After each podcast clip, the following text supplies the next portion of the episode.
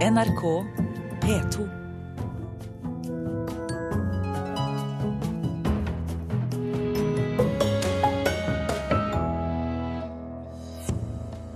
Andre sesong av TV-serien Lillehammer har USA-premiere. Norges snodigste kultureksport, ifølge VGs kritiker. Folkebibliotekene fikk Hedersbragepris.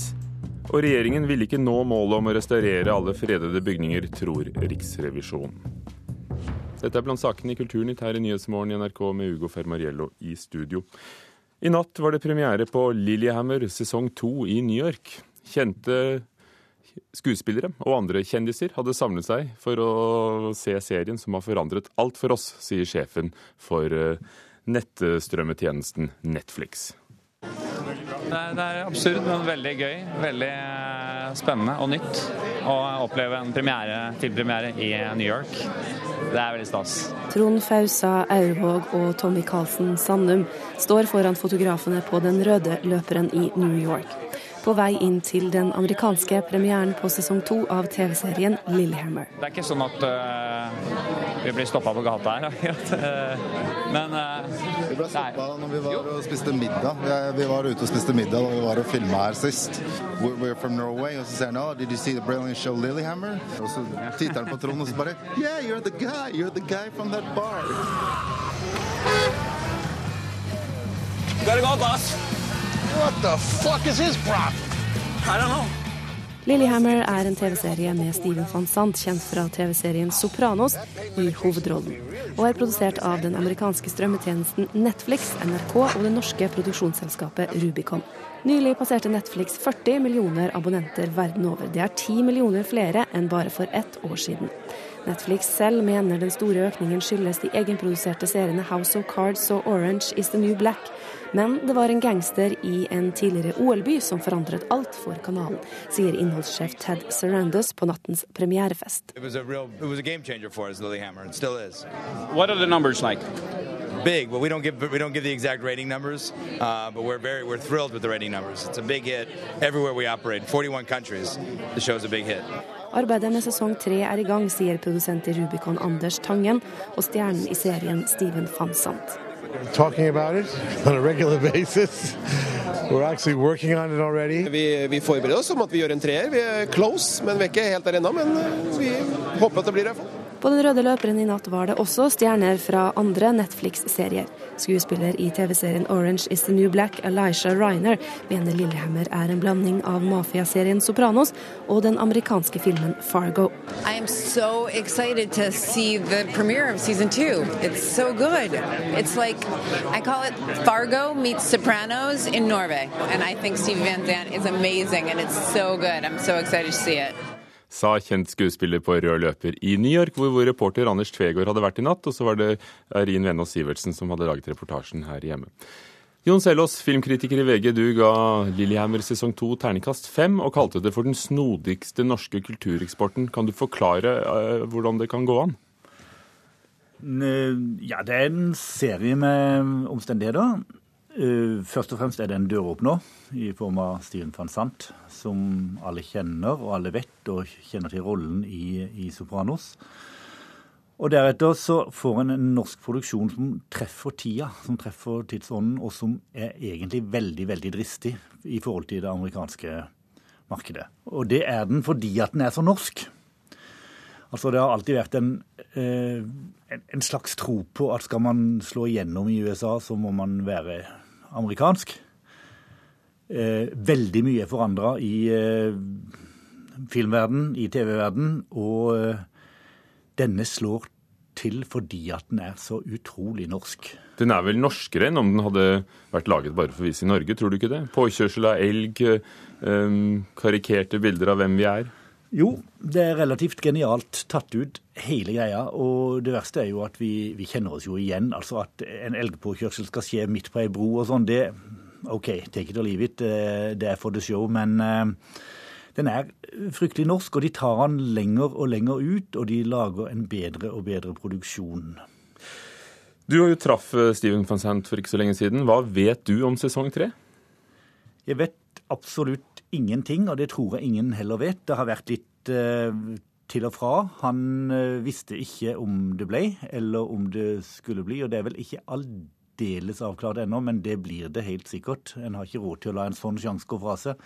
Men det har nok vært, både fra Steven van Sands side og ikke minst NRK, vært litt eh, diskusjoner om hvordan dette skal gripes an. Eh, ikke engang NRK veldig, har vært veldig klar for denne suksessen, tror jeg. Forrige sesong fikk eh, vekslende kritikker både her og i USA. og Du skriver at andre sesong er bedre enn den første. Hvilke kvaliteter er det som eh, er på plass?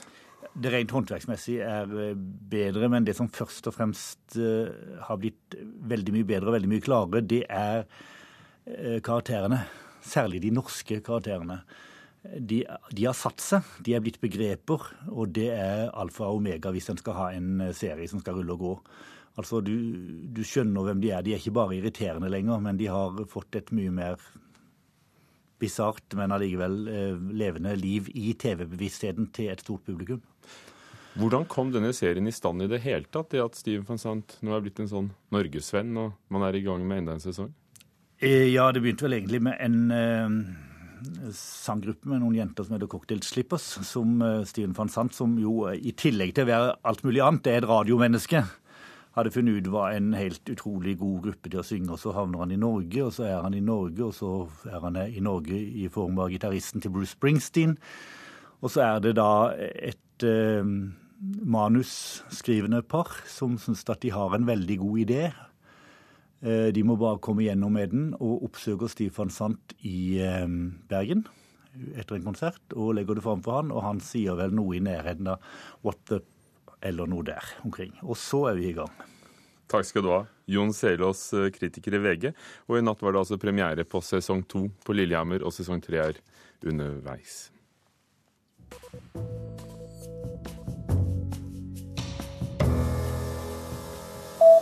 Og det var jo New York den premieren var, fordi den går jo og ruller nå langt ute i sesong to på NRK. Rumenske påtalemyndigheter har lagt ned påstand om 20 års fengsel for 29-åringen som har innrømmet eh, og for ett år siden har brutt seg inn i Rotterdam kunsthall og stjålet syv malerier av bl.a. Picasso, Monet og Gauguin. Maleriene er anslått eh, til å ha en samlet verdi på halvannen milliard kroner. I alt er seks personer tiltalt i saken, og dommen faller tirsdag i neste uke. Ny tid, ny eier. Etter en lengre konflikt med de tidligere aksjonærene kjøper redaktøren av ukeavisen Ny Tid, Dag Herbjørnsrud, 77 av aksjene. Målet er at eiersiden skal være 100% venstreorientert, sier redaktøren til Klassekampen i dag. Ny Tid var opprinnelige partiet SVs eget partiorgan.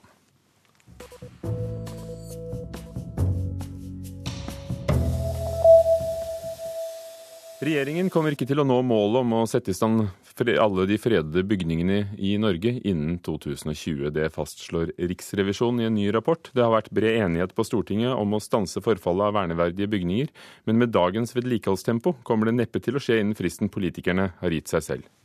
Alle vet det som har hus, at hvis du ikke maler og vedlikeholder huset ditt jevnt, så går det gale veien.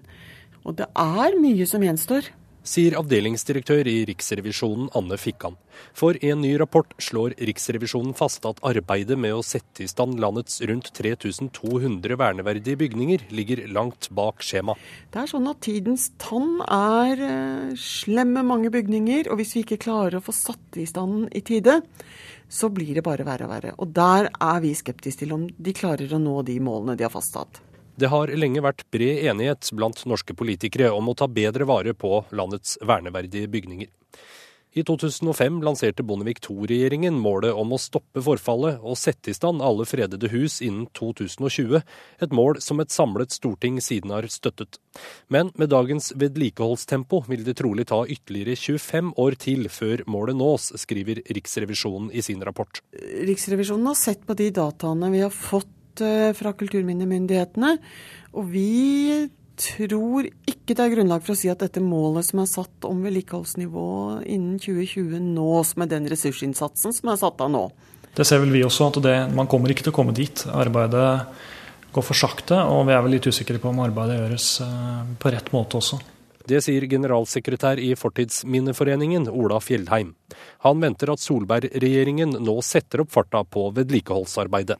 Vi forventer at, eh, at de legger trøkk på å gjennomføre eh, de måla som er lagt til grunn i kulturminnemeldinga. Meldinga er jo ganske fersk. Og politikere fra både Høyre og Frp, men også fra KrF og Venstre, var veldig tydelige på at disse målene skulle nås. Og de var veldig tydelige på at de ville sette i gang med mer virkemidler for å nå de måla. Så de, eh, de forventer oss absolutt at kommer. Og fordi Miljøverndepartementet er opptatt med klimaforhandlinger i Polen, hadde de derfor ikke anledning til å kommentere denne saken overfor vår reporter Halvor Haugen. Brageprisen, kanskje Norges viktigste litteraturpris, ble delt ut for 21. gang i går. Blant vinnerne var uh, Ruth Lillegraven og Steffen Kvernland, men ekstra stor stas fikk landets folkebibliotek, som ble tildelt Hedersbragen. Vi ønsker å sende et politisk signal om at folkebibliotekene må få leve, sier uh, Bragerådets leder. Hedersprisen går i år til våre mange folkebibliotek.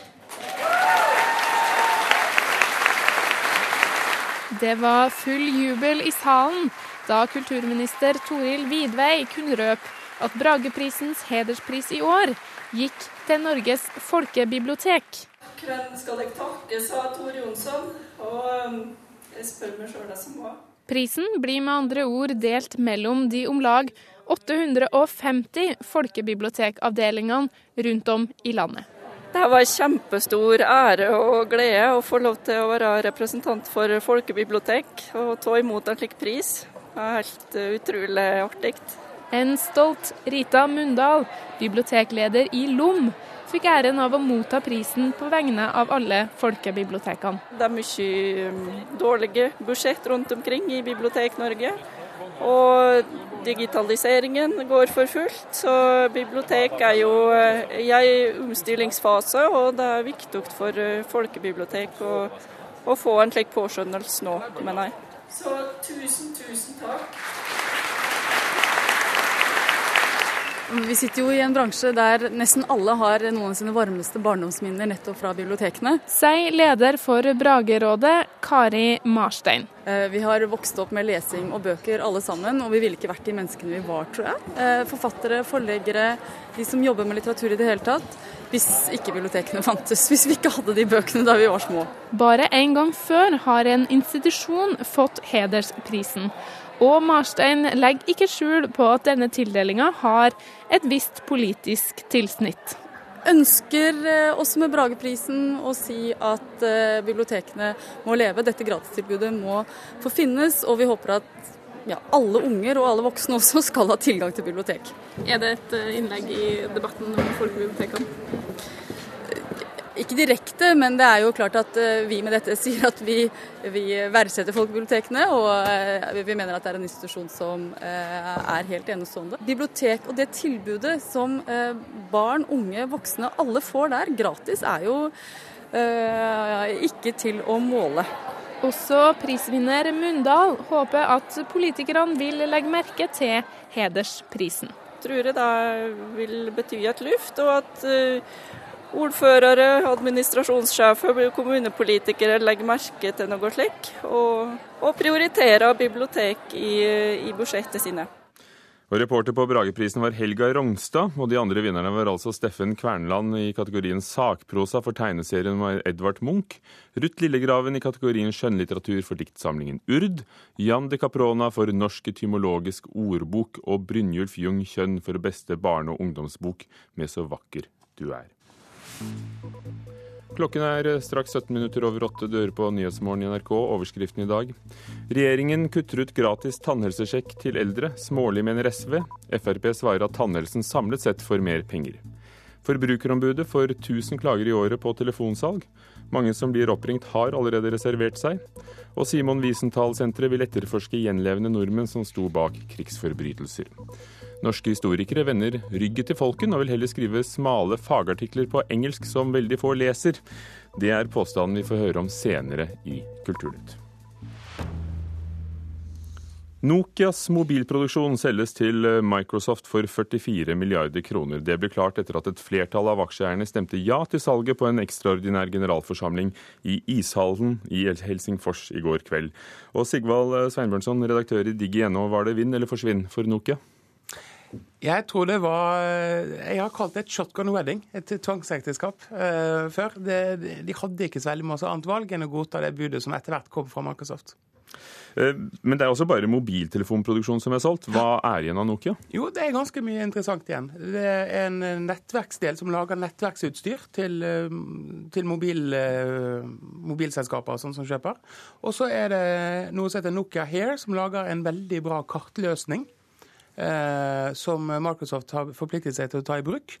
Um, og så er det en, et Eh, et stort IT-selskap eller et eh, teknologiselskap som eier massevis av patenter, og som utvikler mye teknologi.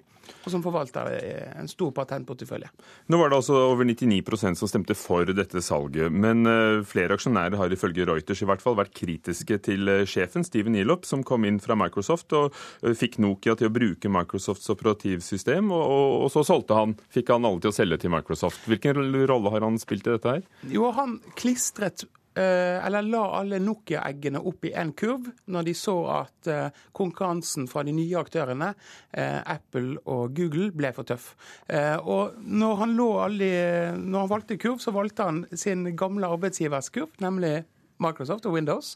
Han satset 100% på Microsoft sin programvare for å drive telefonene, og dermed deres plattform og det, det økosystemet telefonene på mange måter inngår i. Noen har kalt ham en trojansk hest, for nå spekuleres det om han skal overta som sjef for Microsoft. Ja, var dette en plan hele tiden? Ja, altså Noen har stilt seg spørsmål om det var en plan hele tiden, at han kom inn, ble ansatt. Eh, og, eh, og, på en måte beredde grunnen for at de kunne ta over selskapet billig etter at eh, verdien hadde forvitret. Folk har jo trodd på det, investorer i hvert fall, for nå står Nokia-aksjen i 5,82 euro. Den var på sitt laveste i fjor på 1,33, men for 13 år siden, i år 2000, var den i 65 euro. Altså det er en tiendedel av hva det en gang har vært. Ja, og det har vært en brutal nedtur. Og det har, det har jo gått utover eh, mye av eh, stoltheten til finnene, selvfølgelig. Men det som er igjen nå eh, av Nokia, og det er de som eier merkevaren Nokia, så den kommer til å leve videre i Finland.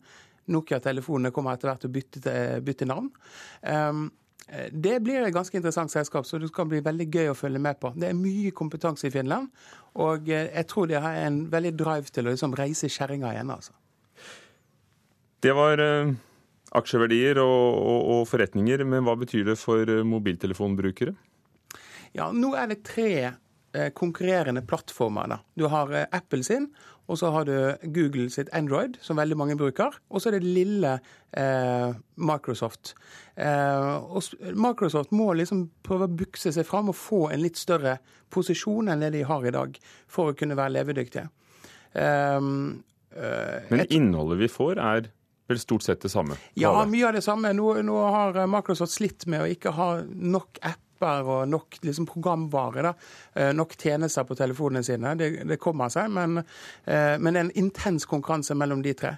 Eh, Nokia er veldig flinke og har vært veldig flinke til å lage mobiltelefoner. Det er gode telefoner en sånn håndverksmessig. da. Um, og, og, de kommer nok til å bruke mye ressurser på å lage så, så, så, gode telefoner som mulig. Det er nok med på å drive konkurransen fram i dette markedet. Og det vil føre til bedre, mer brukervennlige og mye mer avanserte telefoner i årene som kommer. Håper og tror jeg. Salget skal godkjennes av konkurransemyndighetene. Da vil det gå gjennom eh, til neste år. Er det noen sjanse for at det ikke blir godkjent? Nei, jeg tror det er veldig veldig små sjanser for det. Takk skal du ha. Sigvald eh, Sveinbjørnson, redaktør i Digi.no, om eh, Nokia som selger mobiltelefonproduksjon til Microsoft.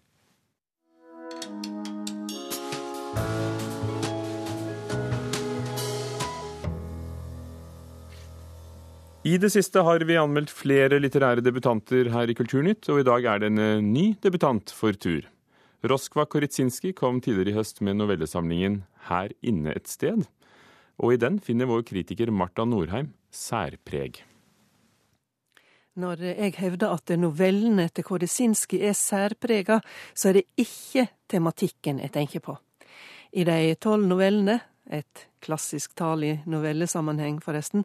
I disse tolv små historiene handler det om mennesker som har et ugreit forhold til omverdenen, til seg sjøl og til kroppen sin.